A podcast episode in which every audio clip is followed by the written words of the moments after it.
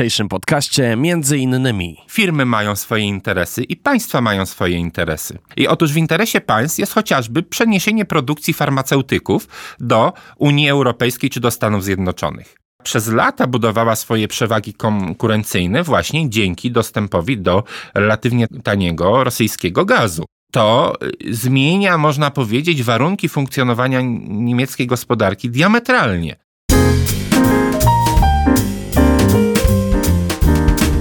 A dzisiaj naszym gościem dr Łukasz Szambroziak, ekonomista, analityk Polskiego Instytutu Ekonomicznego. Dzień dobry. Dzień dobry. Patrzymy na globalizację, patrzymy przez pryzmat pandemii, przez pryzmat wojny w Ukrainie, ale wydaje się, że globalizacja, dokładniej cofanie się, to jest proces dłuższy, proces, który obserwujemy przynajmniej w ostatnich kilku latach. Nagle główne kraje Zachodu, przynajmniej w części, dochodzą do do zdania, że nie do końca na globalizacji wygrywają. Mamy taką sytuację, że że globalizacja gospodarcza znalazła się w takim momencie, że część krajów będzie chciała ją przerwać? E, żeby mówić właśnie o globalizacji, to myślę, że nawet tutaj trzeba cofnąć się o kilka dekad wstecz. E, na czym polegała, z czego wynikała właśnie e, globalizacja, bo to pozwoli nam lepiej zrozumieć te procesy, które teraz zachodzą. Jeśli spojrzymy chociażby na lata 80., wtedy można powiedzieć, tutaj z tą, y, z takim rozkwitem globalizacji mieliśmy do czynienia, to mm, istota tej globalizacji polegała na dzieleniu produkcji na poszczególne etapy i przenoszeniu jej z krajów wysoko rozwiniętych, gdzie koszty pracy były wysokie, do krajów mm, niżej rozwiniętych, rozwijających się, gdzie koszty pracy były niższe. I dzięki temu, można powiedzieć, firmy mm, zarabiały, maksymalizowały zysk i to właśnie te działania, to znaczy się maksymalizowanie zysku było taką e, ideą, można powiedzieć, czynnikiem głównym tych procesów e, globalizacyjnych. I e, przede wszystkim liczył się rachunek ekonomiczny. Firmy dzieliły te procesy produkcji i umieszczały je tam, gdzie to było korzystne z punktu widzenia ekonomicznego. I w pewnym momencie, zdaniem przynajmniej części decydentów, ale też ekonomistów, coś się zacięło. Proces przestał przynosić tyle korzyści, ile przynosił wcześniej. E, tak, e, dokładnie, dokładnie tak. E, tak naprawdę te procesy, można powiedzieć, przemyślenia o globalizacji, o korzyściach z globalizacji, no zaczęły się już dobrych kilka lat temu. Takim, można powiedzieć, preludium do yy, takiego, no, do takich większych rozmyślań na temat globalizacji była yy, wojna handlowa Stanów Zjednoczonych z Chinami, która rozpoczęła się w 2000, yy, 2018 roku. I z czego ona wynikała? Otóż Stanom Zjednoczonym mm, nie podobał się deficyt, jaki miały z Chinami. A z czego ten deficyt wynikał? Otóż ten deficyt wynikał właśnie e, z tych procesów globalizacji, które polegały na rozczłonkowaniu procesów produkcji. Jeśli weźmiemy chociażby przykład iPhone'a, e, jest to telefon, który jest, e, powstaje, można powiedzieć, w kilku, jeśli nie kilkunastu krajach. Bo otóż myśl techniczna jest tworzona właśnie przez e, firmę Apple w Stanach Zjednoczonych głównie. Telefony są składane w Chinach, ale są składane z części pochodzących z wielu krajów, chociażby z Korei, też są części pewnie z Niemiec, czy z innych krajów Azji Południowo-Wschodniej, Wietnam, Malezja, Japonia też też. A y, ten telefon jest sprzedawany głównie na rynku unijnym i na rynku amerykańskim. Czyli widzimy, że tak naprawdę jest to proces powstania telefonu jest bardzo złożony. I yy, skąd ten właśnie wysoki deficyt w handlu z Chinami? Otóż yy, ten deficyt wynika z tego, że yy, no sprowadzane są towary z Chin, ale trzeba spojrzeć, że tej chińskiej wartości dodanej w tych towarach jest relatywnie niedużo, bo Chiny składają, zajmują się przede przede wszystkim składaniem, czyli tą pracochłonną częścią procesu produkcyjnego. Natomiast ten wsad, yy, można powiedzieć, w postaci myśli technicznej, czy różnego rodzaju komponentów, pochodzi z innych krajów. Jeśli wzięlibyśmy yy, saldo obrotów handlowych Stanów Zjednoczonych z Chinami w kategoriach wartości dodanej, to ten deficyt jest o wiele niższy. Właśnie z tego powodu, że tej chińskiej wartości dodanej e, w tych produktach jest mniej. I to można powiedzieć, to był ten impuls, który spowodował, że e, no Stany Zjednoczone mm, chciały zmienić trochę ten układ sił w światowej gospodarce. Stąd właśnie to wzajemne nakładanie się, nakładanie ceł. Jeszcze parę lat przed pandemią, bo o tym będziemy więcej mówić. Pandemia globalna COVID-19 no, odcisnęła swoje piętno bardzo wyraźne na e, procesie globalizacji produkcji, ale jeszcze przed tą pandemią na jednym z forumów Davos była taka sytuacja oto, że prezydent Stanów Zjednoczonych no, promował pewne bardziej protekcjonistyczne podejście, a Xi Jinping, przywódca Chin komunistycznych było nie było, no stawiał siebie i swój kraj jako głównego gwaranta wolności handlowej w wymiarze globalnym, jako państwo, które będzie promować i będzie bronić wolnego, e, nieskrępowanego handlu, wolnej, nieskrępowanej wymiany. To mogło niektórych szokować. E, tak, mogło, mogło to szokować, tym bardziej, że jeśli spojrzymy na e, ogólnie całą ewolucję pozycji Chin w światowej gospodarce i to ich e, wzmocnienie zarówno w eksporcie, jak i e, w światowej gospodarce, które obserwujemy od przystąpienia Chin do Światowej Organizacji Handlu w 2001 roku.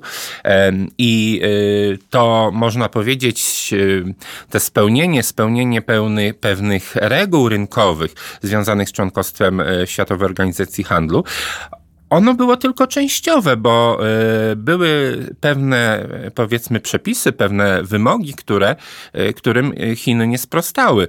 Chociażby mm, nie zniosły tego wymogu związanego y, z tym, że w przypadku inwestycji joint venture musi być partner chiński. To był, to był powiedzmy jeden z tych wymogów, które powinny, powinny znieść. Także tutaj, jeśli chodzi o Chiny i o kwestie działania w gospodar jako gospodarki rynkowej, rynkowej, no to tutaj też e, troszkę, byłbym bardzo, troszkę byłbym ostrożny, bo jednak e, z tą gospodarką rynkową i działaniem na zasadach rynkowych, no nie do końca jest tak, jak tutaj mógł mówić e, prezydent Chin.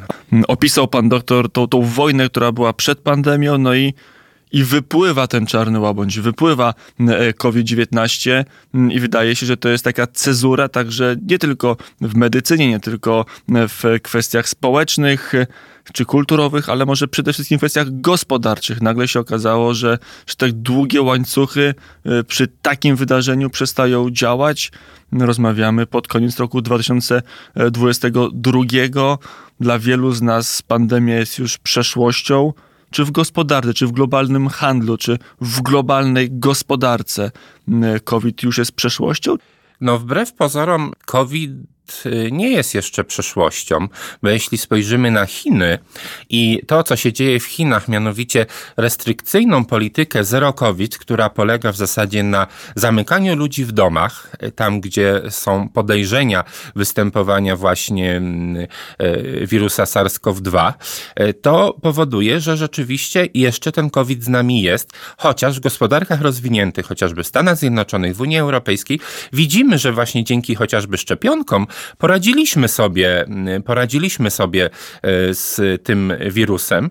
Mm, natomiast mm, ja bym tutaj sięgnął do wiosny 2020 roku, żeby pokazać, jak e, ten, jak pandemia COVID e, wpłynęła na gospodarkę i można powiedzieć, jak rozregulowała te łańcuchy, łańcuchy dostaw. Wyobraźmy sobie, porównajmy mm, światową gospodarkę do linii produkcyjnej, e, przy której są pracownicy, tutaj pracownicy mają dostarczane części, komponenty, składają jakieś wyroby i mamy na końcu konsumentów. E, wybuch pandemii COVID spowodował, że konsumenci przestali nabywać dobra E, więc ta taśma musiała mocno zwolnić. Mocno zwolnić. Były też problemy z dostępnością e, niektórych komponentów, bo one były w Chinach, a rzeczywiście w styczniu, w lutym 2020 roku to Chiny przede wszystkim były narażone na, na tą pandemię i borykały się z nią, stąd też różne przestoje w dostawach części i komponentów. I mamy tą zwolnioną taśmę dopływ, można powiedzieć, tych dóbr pośrednich, które są y, potem składane w dobra finalne różnego rodzaju, y, musiał przystopować. Były mniejsze zamówienia na te części, komponenty, bo były mniejsze zamówienia na dobra gotowe. I wyobraźmy sobie, jak wychodzimy powoli z tej pandemii, zaledwie kilka kilkanaście miesięcy później, eksploduje wręcz popyt globalny, dzięki temu, że e, przede wszystkim e, wiele krajów zdecydowało się na różnego rodzaju pakiety fiskalne, które pozwoliły uchronić ludność przed bezrobociem, więc było to, można powiedzieć, no, wpompowanie pewnej ilości gotówki. Ten popyt wręcz eksplodował. Konsumenci chcieli y, konsumować dobra i można powiedzieć, wymagali, żeby ta taśma jeszcze, jeszcze szyb, szybko przyspieszała i tak naprawdę no, zrobił się duży, zrobiło się duże zamieszanie, bo y, nie było części komponentów, bo y, dostawcy nie nadążali ich y, produkować. Jak były braki, to wiadomo, rosną ceny. E, brakowało właśnie też różnego rodzaju surowców, bo one były potrzebne tu i teraz. No a prawem ekonomii jest, że jeżeli jest popyt, e, to przy, e, w krótkim czasie, przy, że tak powiem, stałej podaży rosną ceny.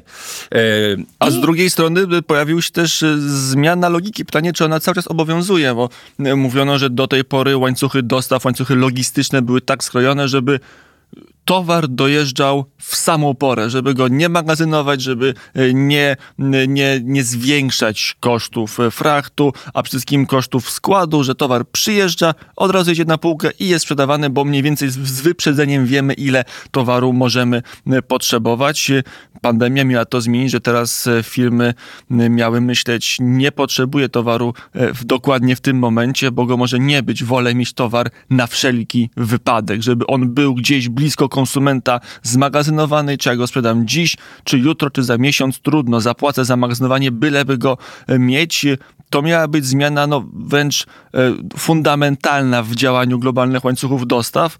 Zmiana, która miała dać towar, który będzie dostępny, no ale jej kosztem miała być wyższa cena towaru. Dokładnie.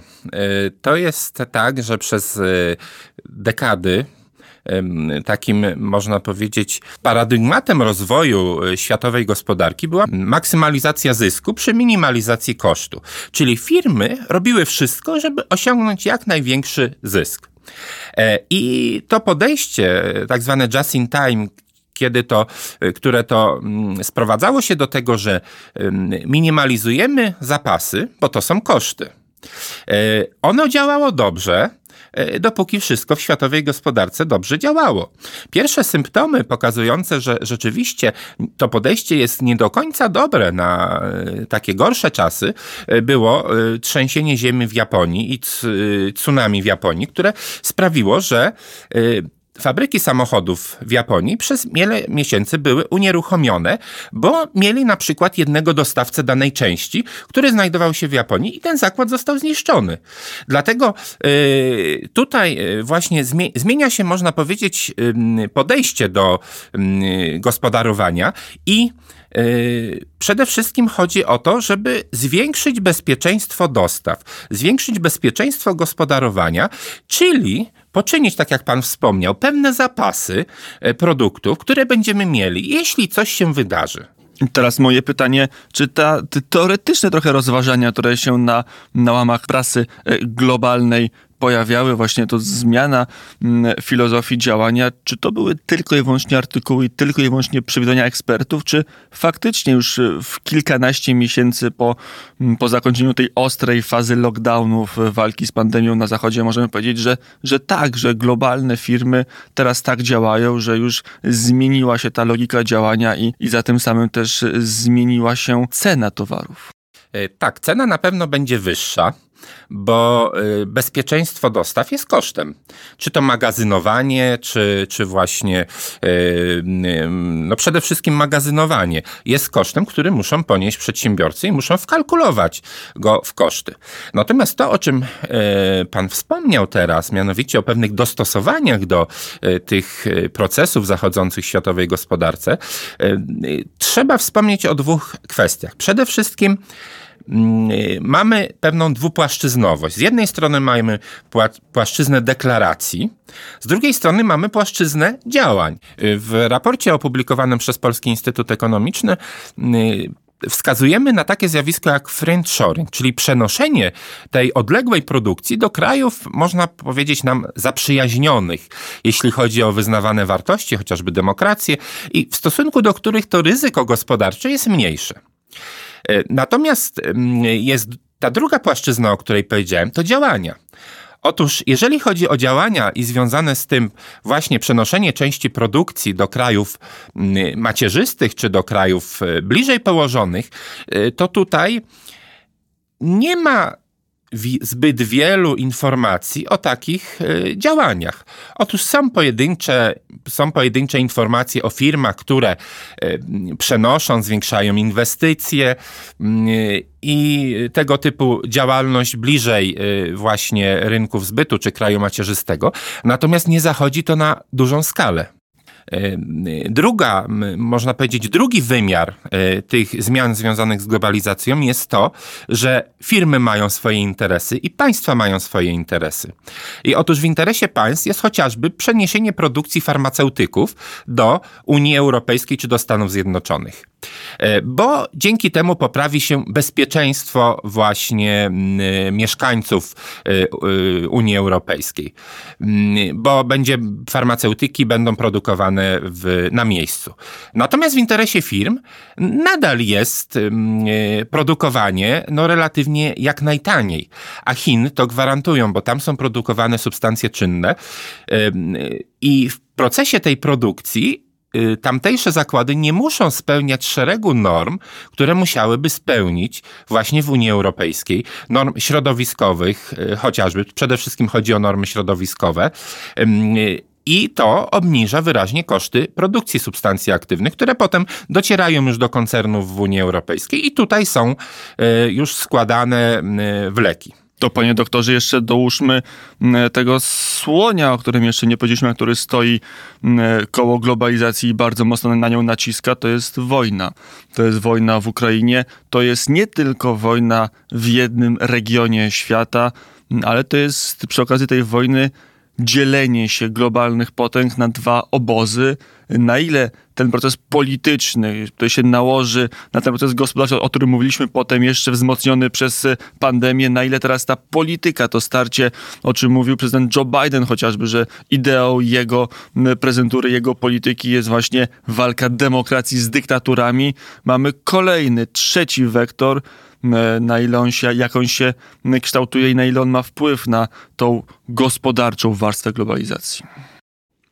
To y, wojna pokazała przede wszystkim, jak, jaką, jakie znaczenie ma Ukraina y, w globalnych łańcuchach dostaw na rynku żywności bo trzeba tutaj jednoznacznie powiedzieć, że Ukraina jest ważnym eksporterem wielu zbóż, przede wszystkim pszenicy, kukurydzy, ale także chociażby nasion e, słonecznika, e, oleju słonecznikowego.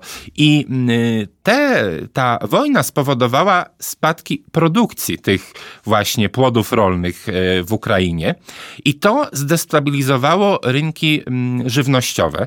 Ale też trzeba tutaj pamiętać, że Często właśnie takie tego typu sytuacje kryzysowe są um, pożywką dla różnego rodzaju spekulantów, którzy grają na um, właśnie um, rynkach y, w oparciu o rynki rolno-spożywcze. I tutaj te wysokie wzrosty cen zbóż, y, no ja tutaj śmiem twierdzić, że w pewnym stopniu było to właśnie wywołane spekulacjami, bo jeśli spojrzymy teraz na mm, światowy rynek zbóż, y, to można tutaj zobaczyć, że rzeczywiście produkcja w Ukrainie jest o kilka milionów, kilkanaście milionów, biorąc wszystkie zboża mniejsza, ale w innych częściach świata ta produkcja jest większa, chociażby w Rosji.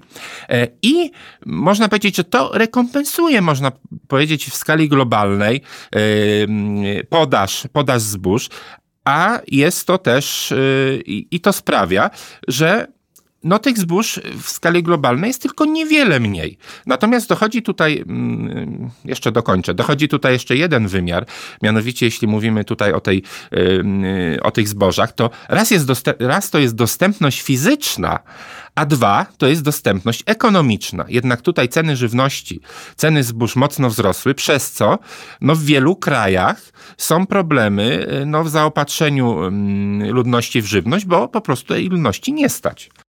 A z drugiej strony mamy ten kłopot też wymiaru globalnego żywności, który wiąże się z wojną w Ukrainie.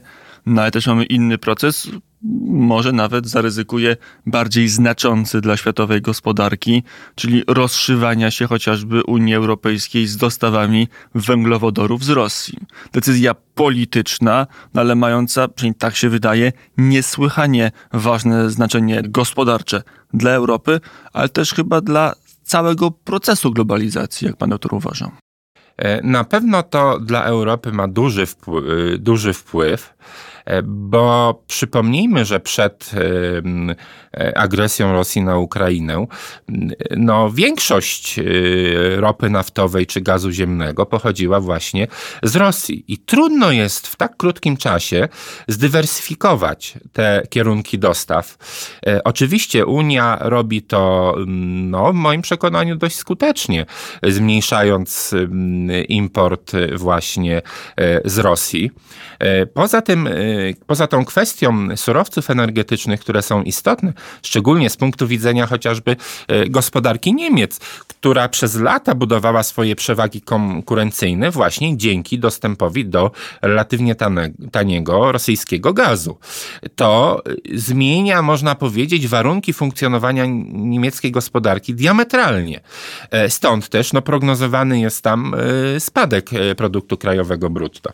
Mm, I ten wątek surowców energetycznych wpisuje się jeszcze, można powiedzieć, w szerszy kontekst uzależnienia unijnych gospodarek właśnie od y, dostaw z krajów, y, no można powiedzieć, no niestabilnych politycznie, czy, czy o dużym ryzyku gospodarczym. Tutaj mówiliśmy wcześniej o Chinach, ale też Rosja. I tutaj ta Rosja jest istotna z punktu widzenia tego, że tam jest wiele surowców ziem rzadkich które mm, y, i w zasadzie do, do niedawna Rosja miała monopol na dostawę tych surowców do y, Unii mm, Europejskiej.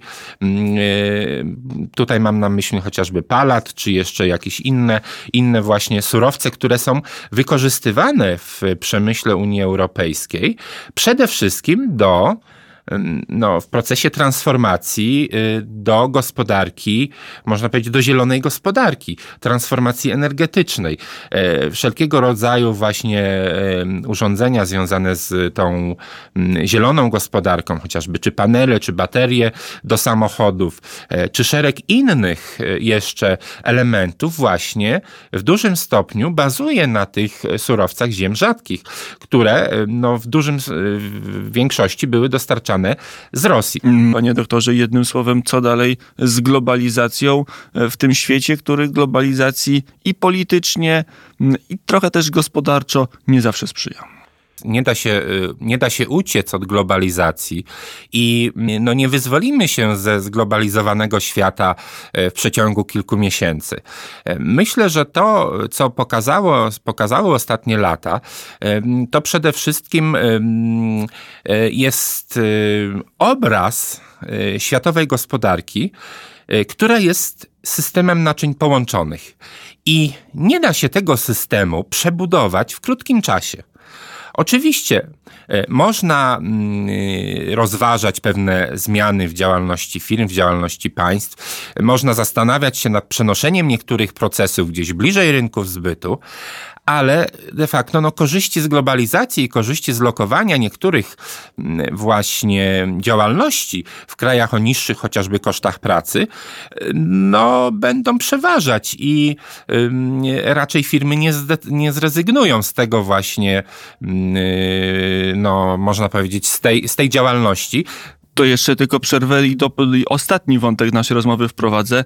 Automatyzację produkcji, bo tutaj też pojawiają się mm, takie analizy, że, że za chwilę te kraje biedniejsze stracą swój jeden z podstawowych atutów w przyciąganiu nowych inwestycji, czyli tanią czy tańszą siłę roboczą niż w krajach skąd kapitał pochodzi, dlatego że nagle siła robocza będzie coraz mniej potrzebna, wystarczy dobrze zautomatyzowana, inteligentna fabrykata, może równie dobrze stanąć w kraju skąd pochodzi kapitał. To jest zagrożenie dla globalizacji, panie doktorze? Myślę, że e, w perspektywie kilku lat e, nie jest to zagrożeniem dla globalizacji, natomiast rzeczywiście trzeba liczyć się e, z tym, że wiele krajów będzie podejmować wysiłki w kierunku właśnie automatyzacji procesów produkcji, ale trzeba też pamiętać o tym, że są to raczej kosztowne inwestycje. I nie wszystkie firmy będzie stać na tego typu, tego typu działanie, szczególnie no, w sytuacji, kiedy najbliższe dwa, trzy lata raczej będą upływać pod znakiem pewnego spowolnienia gospodarczego e, i pewnych trudności gospodarczych. E, dlatego też z tą automatyzacją no, nie, nie byłbym tak e, optymistycznie nastawiony. Aczkolwiek jest to alternatywa właśnie dla pewnych pracochłonnych działalności. Wniosek z naszej rozmowy, panie doktorze, jest taki, że nie ma w gospodarce, nie ma w globalnym świecie powrotu do małych rynków? Zdecydowanie nie. No I tu stawiamy kropkę. Dr Łukasz Ambrosiak, ekonomista, analityk Polskiego Instytutu Ekonomicznego, był naszym gościem. Dziękuję bardzo za rozmowę. Dziękuję bardzo.